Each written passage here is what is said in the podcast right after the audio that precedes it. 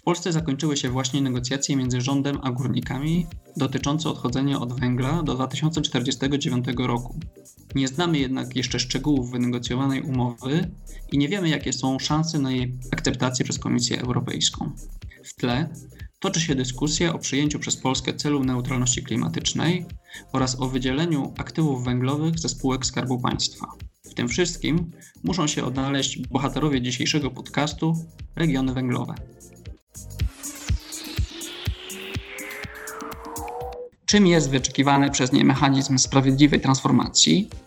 W jakim stopniu polskie regiony przygotowały się do pozyskania środków z tego mechanizmu? I co czeka polskie regiony, te, które wejdą na drogę transformacji już teraz i te, które decyzje odkładają? Odpowiedzi na te pytania będziemy szukać w trakcie dzisiejszego podcastu Polskiego Instytutu Ekonomicznego pojutrze.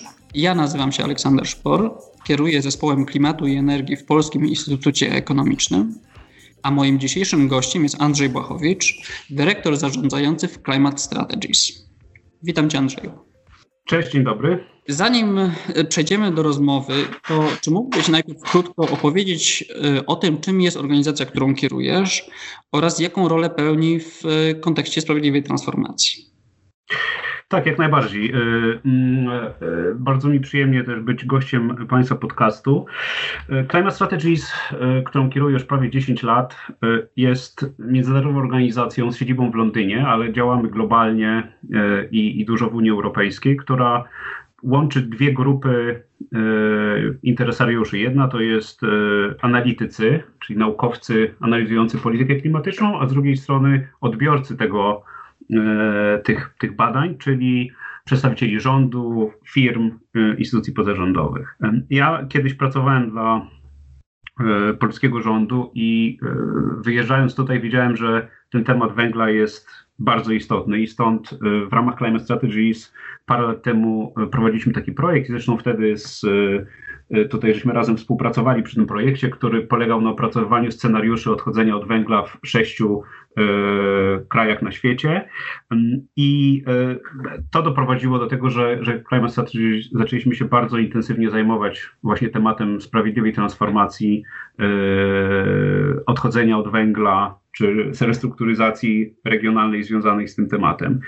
Chciałbym tutaj dodać, że tutaj wyrażam poglądy moje osobiste, nawet nie, nie poglądy Climate Strategies, ale jest też jeden aspekt e, istotny do tej dyskusji, że Climate Strategies jest częścią e, konsorcjum, które prowadzi e, dla Dyrekcji Generalnej Energii Komisji Europejskiej sekretariat czegoś, co się nazywa Inicjatywa Regionów Węglowych, o czym będziemy dalej mówić, ale żeby było jasne dla Państwa, nie reprezentuje tutaj ani Komisji Europejskiej, ani tej inicjatywy, aczkolwiek oczywiście wiele z tych spostrzeżeń jest związane z, też częściowo z, z pracą w ramach tej inicjatywy. Dobrze, to zanim, rzeczywiście zanim przejdziemy do, do dyskusji o tym, czym jest inicjatywa, może najpierw zacznijmy od tego, czym jest sprawiedliwa transformacja e, i jak się do tego ma przygotowany przez Komisję Europejską mechanizm sprawiedliwej transformacji.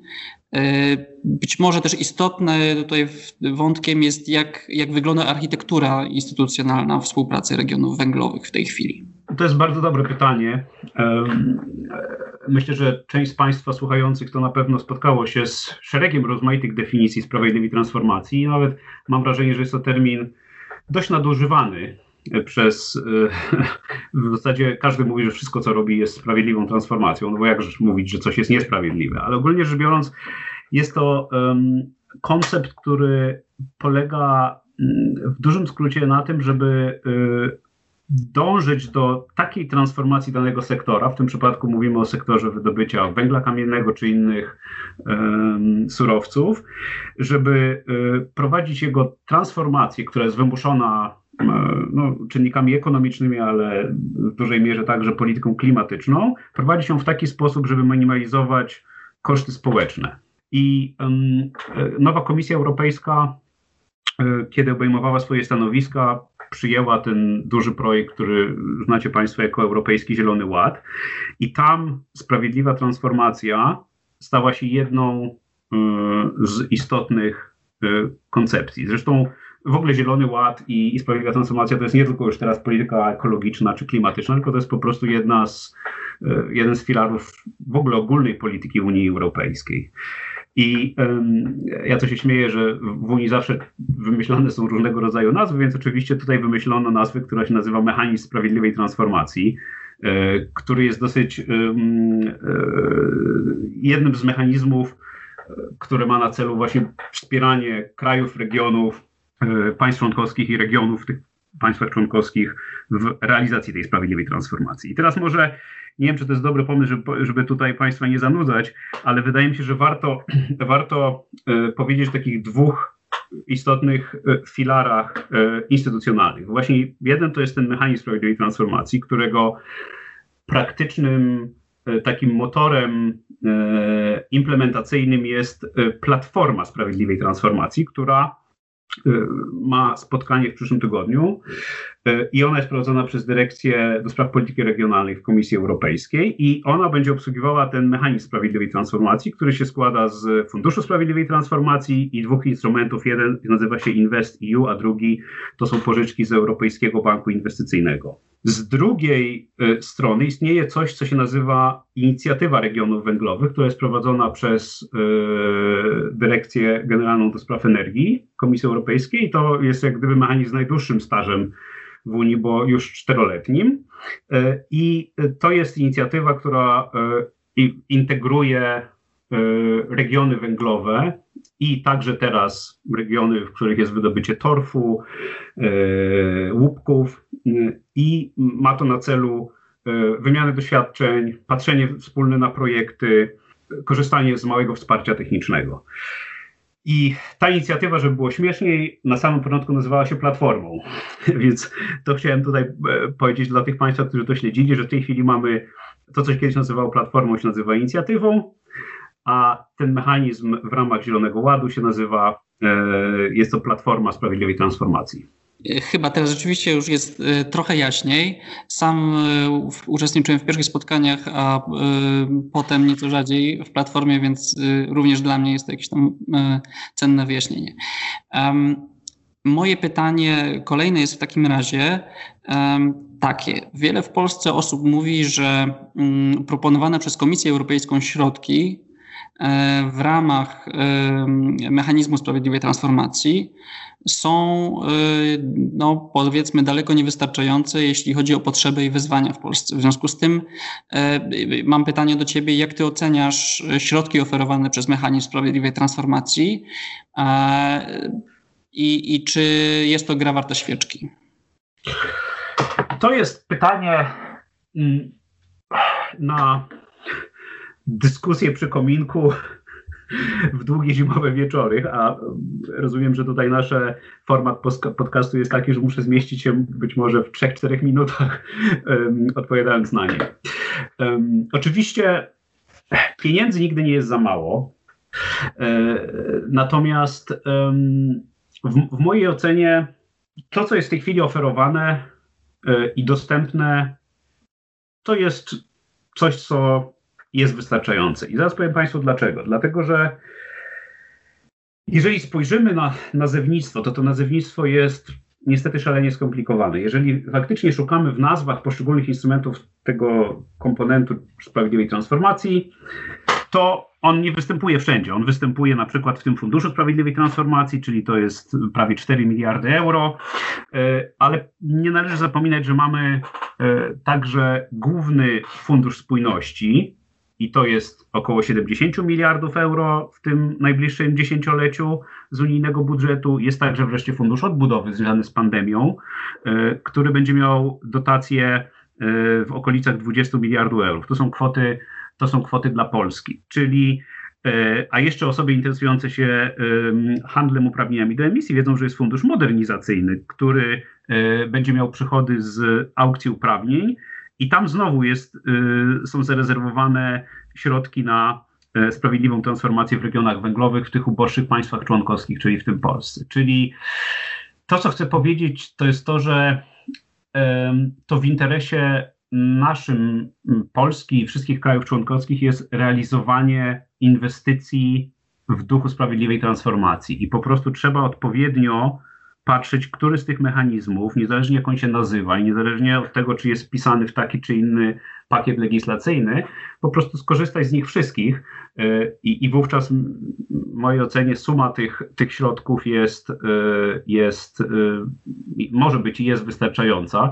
I oczywiście tutaj Państwo też pewnie słyszą wielokrotnie z różnych źródeł żonglowanie miliardami, I tutaj naprawdę bym zachęcał do, do, do, do, uważnego analizowania tego, dlatego że część z tych środków to są dotacje bezzwrotne, część z tych środków to są pożyczki, część z tych środków wymagają udziału własnego. Także to też warto zapamiętać, że żonglowanie miliardami czy setkami miliardów trzeba to robić z dużą ostrożnością. Y, a jak oceniasz udział Polski w inicjatywie regionów węglowych? Które z polskich regionów wydają Ci się y, najbardziej wykorzystywać, czy najlepiej wykorzystywać szanse, y, które z nich są najaktywniejsze? To pytanie bym chciał mm, może odpowiedzieć na nie w takim kontekście e, właśnie całościowym, jak, znaczy jak Polska, Polska e, wypadała na tle innych krajów. To znaczy, to była od początku mieliśmy, od początku istnienia tej inicjatywy regionów węglowych, czyli to jest koniec 2017 roku. Mieliśmy, kiedy, kiedy było takie pierwsze spotkanie e, inauguracyjne tego mechanizmu, E, mieliśmy taką rzecz, że z jednej strony Polska była uważana za hamulcowego polityki klimatycznej, ale z drugiej strony rzeczywisty udział polskiego rządu, polskich e, regionów i wreszcie innych interesariuszy, na przykład spółek węglowych, był od samego początku bardzo aktywny i widoczny e, w tej inicjatywie. I to mi się zawsze podobało, że, że, że to było takie, wydaje, wydawało mi się bardzo pragmatyczne. I tutaj e, tych regionów w naturalny sposób najbardziej aktywny i najbardziej znanym regionem e, jest Śląsk i, i, i, to faktycznie e, należy odnotować, że ten udział i, i e, Śląska był najbardziej, najbardziej aktywny. Bym powiedział na drugim miejscu, jeżeli robimy jakąś taką kategoryzację, jest Wielkopolska. Przypuszczam, że na trzecim byłoby województwo dolnośląskie. Ale na przykład warto zauważyć, że ta inicjatywa regionów węglowych oferuje taki drobną inicjatywę wspierającą e, taką, takie wsparcie techniczne i w tym wsparciu technicznym jest Śląsk, ale jest na przykład także województwo małopolskie, e, które, które na początku w tej inicjatywie nie za bardzo uczestniczyły. Wydaje mi się, że łódzkie i lubelskie, jak miał tak oceniać, pewnie były, były najmniej aktywne, ale e, w chwili obecnej wydaje mi się, że wszystkie sześć regionów, zresztą jak Państwo się domyślają, i te, te spotkania, te inicjatywy na początku były fizycznie, odbywały się w Brukseli, więc to też było bardzo dużym, e, e, ważnym aspektem były spotkania, networking. Teraz to się wszystko przerzuciło w sieci. Oczywiście to jest nie, nie jest już to samo. Ciężej, ciężej się nawiązuje nowe, nowe kontakty i ciężej jest też to obserwować. Ale wydaje mi się, że ogólnie w zakresie tematyki sprawiedliwej transformacji wszystkie te sześć polskich województw e, jest w tej chwili, są w tej chwili bardzo aktywne. Chciałem także dodać, że tak jak mówiłem, że spółki górnicze były bardzo e, aktywne, e, uczestniczyły w, e, w, wielu spotkaniach, także na przykład spółka restrukturyzacji kopalń była wielokrotnie nam obecna.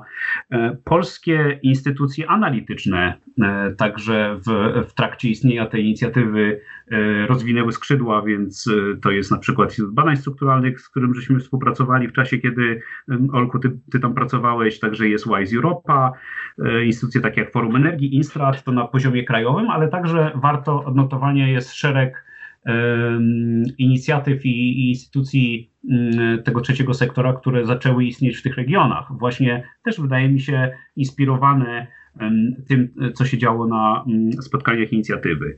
E, I tutaj nie wiem, czy to, czy, ale to też jest, jest fajny taki aspekt, e, który, który dodaje mm, e, kolorytu tych działań, że mamy też polskie po prostu aktywny udział w, w ramach Komisji Europejskiej. Platforma, ta, ta, znaczy inicjatywa regionów węglowych była współtworzona przez y, Aleksandrę Tomczak, która pracowała wówczas w Komisji Europejskiej, w y, Dyrekcji do Spraw Energii, obecnie jest w gabinecie wiceprzewodniczącego Komisji Timmermansa, a obecnie e, za e, inicjatywę odpowiada też Polka, pani Ania Sobczak. Także to jest fajne, że nasz udział jest od, na wielu poziomach. Na wielu poziomach, tak. A zakładając w takim razie kolejne pytanie, zakładając, że mm, Część regionów y, już wiemy, że się w tym mechanizmie zmieści, część być może, ale nie na pewno. Jak, jak oceniasz, jaka jest perspektywa rozwoju dla tych regionów, które się załapią albo, albo załapią się, no, albo, albo nie doszusują? Czy, czy widzisz jakieś scenariusze, które, realne scenariusze tego, co się może wydarzyć w najbliższej dekadzie? Tutaj bym e, chciał może odpowiedzieć na to pytanie e, nieco szerzej, to znaczy w, w, w, takim sensie, jaka jest przyszłość w ogóle regionów węglowych, e, czy, czy regionów związanych z, z wydobywaniem rozmaitych paliw kopalnych w, w, w Unii Europejskiej. I powiem może parę takich rzeczy. Jedno to jest coś, co ja sam się denerwuję, jak to, jak to czytam jako konkluzję różnego rodzaju inicjatyw czy, czy raportów, które mówią, że każdy region jest inny. Ale mm, po, po tylu latach i, i, i bycia um, analitykiem i organizatorem um, badań w, tej, tym zakresie, um, ale także no, właśnie działając tutaj na styku Komisji Europejskiej i, i regionów, no nie mogę się z tym nie zgodzić nie mogę powiedzmy przestać tego, tego promować. To znaczy ciężko jest odpowiedzieć, jaka jest przyszłość regionów, bo tych regionów jest nie dość, że bardzo wiele, to każdy z nich ma nieskończoną liczbę czynników, y, które są specyficzne dla tego regionu, dla danego regionu, która będzie determinowała to, jak one sobie poradzą, czy one będą miały kolokwialnie mówiąc, świetlaną przyszłość, czy będą miały e, tylko taką, powiedzmy, e, przetrwalnikową przyszłość. I teraz kluczem chyba do tego wszystkiego jest, mm, znaczy, bardzo fajnie można zaobserwować, że, że e, regiony się dają ze sobą łączyć w takie mm, pary twinningowe. I na przykład tutaj też Chcę wspomnieć, że jest nowa siostrzana inicjatywa do tej inicjatywy regionów węglowych, której wspominałem. To jest inicjatywa dla Ukrainy i zachodnich Bałkanów. I tam e, też my jesteśmy zaangażowani w to. To po, ruszyło w tym roku e, sekretariat tego, tej e, inicjatywy. I tam właśnie jest e, jeden z mechanizmów, to jest właśnie taki twinning pomiędzy regionami e, tymi poza Unią, a regionami unijnymi. To jest bardzo fajna wymiana doświadczeń. Na przykład Asturias w Hiszpanii, który jest e, jednym z takich bardzo aktywnych, równie jak E, Śląsk był od samego początku. Asturias i Śląsk e, są regiony z dużą dywersyfikacją i one mają na, e, na przykład fajnie ze sobą współpracują i, i można powiedzieć, że to jest taka para, która może wzajemnie korzystać z doświadczeń, a poza tym Hiszpania też ma wiele podobieństw do Polski jako członek Unii Europejskiej. Mm, tutaj, tak jak wspomniałem, że, mm, że trzeba po prostu zrobić dobrą analizy, i to jest właśnie klucz tych wszystkich działań, dobrą analizę zasobów. To znaczy po prostu czym dysponujemy w danym regionie i od tego będzie zależało, czy to będzie Eldorado odnawialnych źródeł energii, czy to będzie Eldorado, y, nie wiem, uczelni technicznych, czy to, które będą się specjalizowały w nowych technologiach, czy to będzie, nie wiem, turystyka, tak? I wtedy zapewniamy temu regionowi po prostu to, że staramy się, żeby to odejście od e, węgla było, odbyło się w sposób no, jak najmniej jak, z jak najmniejszymi negatywnymi skutkami społecznymi. Także w momencie, kiedy sobie rzetelnie y, odpowiemy na to pytanie, to, to wtedy nam wyjdzie, że część regionów mm, powinna iść w tą stronę, część ma inny kierunek, a część będziemy tylko powiedzmy ograniczać straty. I, i tyle. Wydaje mi się, że większość regionów ma i jest w stanie znaleźć sobie, znaleźć sobie e, jakąś fajną przyszłość e, w oparciu na to, czym dysponują i e, właśnie z takim mądrym wykorzystywaniem tych wszystkich funduszy, środków, mechanizmów pomocowych, wymiany doświadczeń i tak dalej. Bo proszę pamiętać, to też kolejna rzecz, którą Pewnie część z Państwa słyszy, że to nie chodzi tylko o pieniądze, ale to, to jest prawda, że czasami to po prostu jest kwestia, jak ktoś daną trudną sytuację rozwiązał w innym miejscu w Unii Europejskiej, czy wręcz poza Unią Europejską, prawda? Dlatego, że e, nie wiem, czy to jest. Yy, mamy jeszcze na to, na to moment, żeby powiedzieć, że właśnie te, ta współpraca z krajami e, na Bałkanach, czy Ukrainie, czy, czy wręcz na przykład z RPA, którą ma wiele bardzo problemu, podobnych problemów jak Polska, jeżeli chodzi o system energetyczny. Jest, jest, może tych doświadczeń jest ogromne, tylko właśnie po prostu trzeba znaleźć to doświadczenie, które jest dla mojego przypadku jak najbardziej porównywalne. Andrzeju, bardzo Ci dziękuję za mm, rozmowę. Moim i Państwa gościem był Andrzej Błachowicz. Dziękuję bardzo. Może jeszcze, jeśli Olku byś pozwolił, chciałem też, y, dziękując i, i zachęcając Państwa do, e, jak gdyby do aktywnego monitorowania tych wszystkich mechanizmów i, i, i, możliwości, które są w sprawiedliwej transformacji, chciałem jakby e, przekazać takie zaproszenie konkretne. Mianowicie w przyszłym tygodniu, czyli to są e, od 26 kwietnia, jest czterodniowe spotkanie tych wszystkich inicjatyw e, połączonych w jedną całość, e, gdzie będzie bardzo wiele sesji i na stronie naszej organizacji, może to najprościej climatestrategies.org, można znaleźć zaproszenie, zarejestrować się. Sesje są w większości w języku angielskim. Jest jedna sesja na początku dnia we wtorek, 27 kwietnia, która będzie miała symultaniczne tłumaczenie na język polski. Także serdecznie zapraszam na to i dziękuję raz jeszcze. Ja przyłączam się też do zaproszenia do tych ważnych e, spotkań i do tej całej inicjatywy. E, państwa zachęcam również do słuchania naszych kolejnych podcastów. Do usłyszenia.